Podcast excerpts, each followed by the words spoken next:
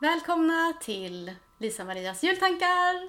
Och välkommen Maria. Tack Lisa och välkommen till dig. Ja, tack. Och det ska bli väldigt spännande för nu ska du öppna en lucka Maria. Vad ligger det i den?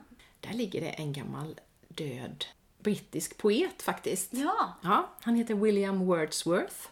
Och när jag pluggade engelska för jätte, jätte, jättemånga år sedan så hade vi en kurs i poesi som jag tyckte var så svår och jag kunde aldrig liksom förstå de här konstiga tolkningarna man skulle göra.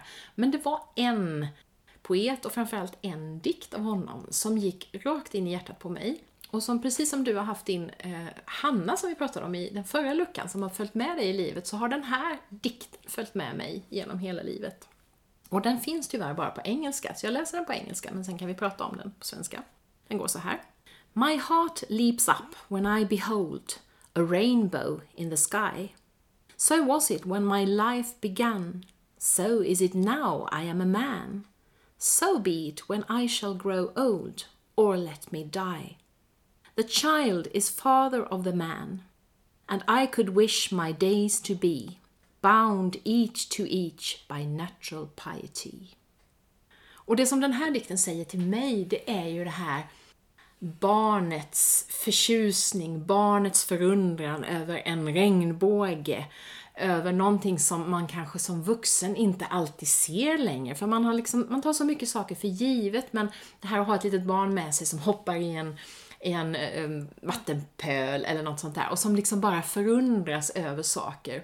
Och längtan efter att få ha kvar den lekfullheten, nyfikenheten och kanske framförallt det där begreppet förundran som jag tycker är så vackert och som, som har funnits med mig i många, många år genom olika böcker jag har läst, bland annat en bok som heter Förundranseffekten som kom för några år sedan och som pratar om, alltså det finns forskning idag på att när vi lyckas bevara den där förundran som vi har naturligt i oss som barn så påverkar det oss på en massa sätt ur ett hälsoperspektiv. Vi, vi mår bättre om vi har kvar vår förmåga att förundras.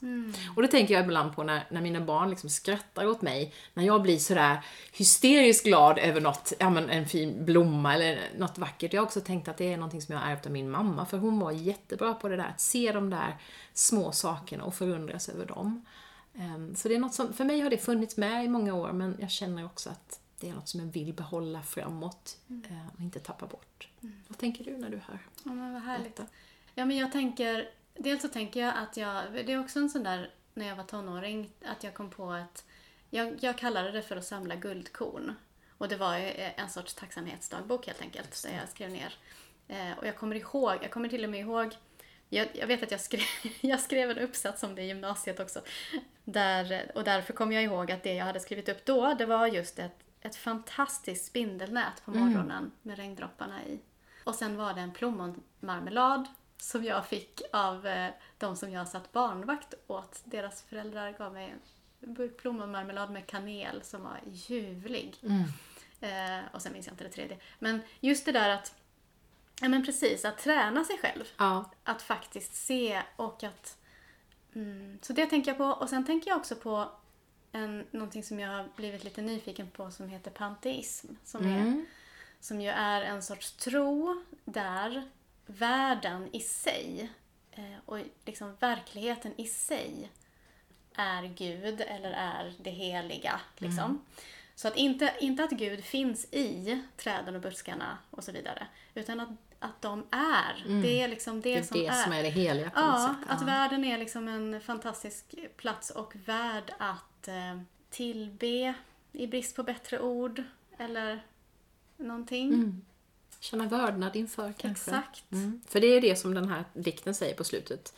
Bound each to each by natural piety. Det är någon slags vördnad för naturen och allt det som finns omkring oss. Ja. Som också, tänker jag, i förlängningen gör att vi blir mer benägna att ta hand om den. Om vi kan behålla den här förundran och eh, vördnaden för naturen, som vi ju är en del av, så blir vi också bättre på att vilja bevara den som Jag den tror är och inte det. förstöra den. Mm. Och det här är ju någonting som, jag tänker att, eh, att religion då har, eh, vad ska man säga, är duktiga på detta.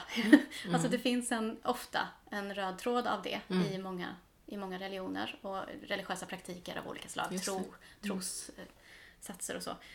Men att, att det inte heller, man behöver inte gå den omvägen om jag får kalla det så. Utan det går ju att gå rakt till kärnan också. Just när det gäller det här. Precis. Eh, Gå ut i skogen. Ja. Ja, och jag tänkte på en annan sak där också. Eh, För när jag promenerade i skogen häromdagen, där jag promenerar så finns det ju en jättestor väg. Eh, Särskilt när det är rusningstrafik, vilket det känns som att det är större delen av dagen där, så är det väldigt mycket trafik. Så att det går ju liksom inte att tänka bort den. Var man än är i den här lilla skogen så hör man trafiken. Och då kan man liksom, antingen kan man irritera sig på det, eller så kan man inkorporera det i bilden av, ja, och naturen och skogen och löven och bilarna. Liksom. Och hjulen mot vägen. Och också liksom, när jag började tänka på det på det sättet och också började tänka på alla människor som sitter där i sina bilar och på väg hem till någon som de kanske älskar Ja. och, eller till någonting som är viktigt eller ja, så liksom. Och sen kan, man, sen kan man kämpa mot bilismen en annan dag. Men, men att också liksom se om det går att inkorporera även sådana saker som vi kanske inte direkt tänker på som natur Nej, just det. i världen. För det handlar ju om att vi är en del av den egentligen. Ja, vi är ju det. Precis, det finns Det är inte vi separation. och naturen, utan vi är naturen. Mm. Ja. Vad ska vi skicka med idag? Kanske att fundera över det där. Mm. Eh, har, har jag... Alltså det här med att träna, jag tänker på, precis som du, har jag ju skrivit tacksamhetsdagbok till Mm. exempel i ja, 20 år nu. Ehm, och det har ju verkligen fått mig, tycker jag, att bli bättre på att behålla den där förundran och, och se de där sakerna som jag annars lätt skulle glömma bort. Så att för mig har det varit en bra grej. Och du kanske har, eh, du som lyssnar, tänker jag, kanske har något annat sätt att hitta dina guldkorn. Det kan vara att skriva en tacksamhetsdagbok, det kan vara att sätta sig ner innan man ska somna och fundera över vad finns det för någonting idag som jag har kunnat glädjas åt.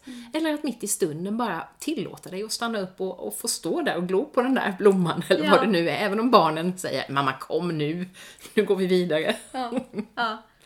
Och gärna, tänker jag, fokusera på detaljer. Ja. Det är ju liksom ett av Precis. tricken för Yes. att, liksom, att man kan ha en dagbok, en tacksamhetsdagbok och så varje kväll så skriver man ner liksom, ja men min familj. Ja. Och så nästa dag, ja min familj. Och- Men att, att liksom, ja men vad är Mm. Vad det är det? idag? Precis, just, liksom. just nu, just Vilket idag. ögonblick, vad var det som liksom faktiskt glimmade till som Mm. ett guldkorn just idag? Just det. Så att se guldkornen bland alla sandkornen, som Ja. någon uttryckte det så fint. Precis. Mm. Ja, så fint. Tack engelska poet för detta Ja, brittiska poet. tack så mycket William. Och tack Lisa. Tack.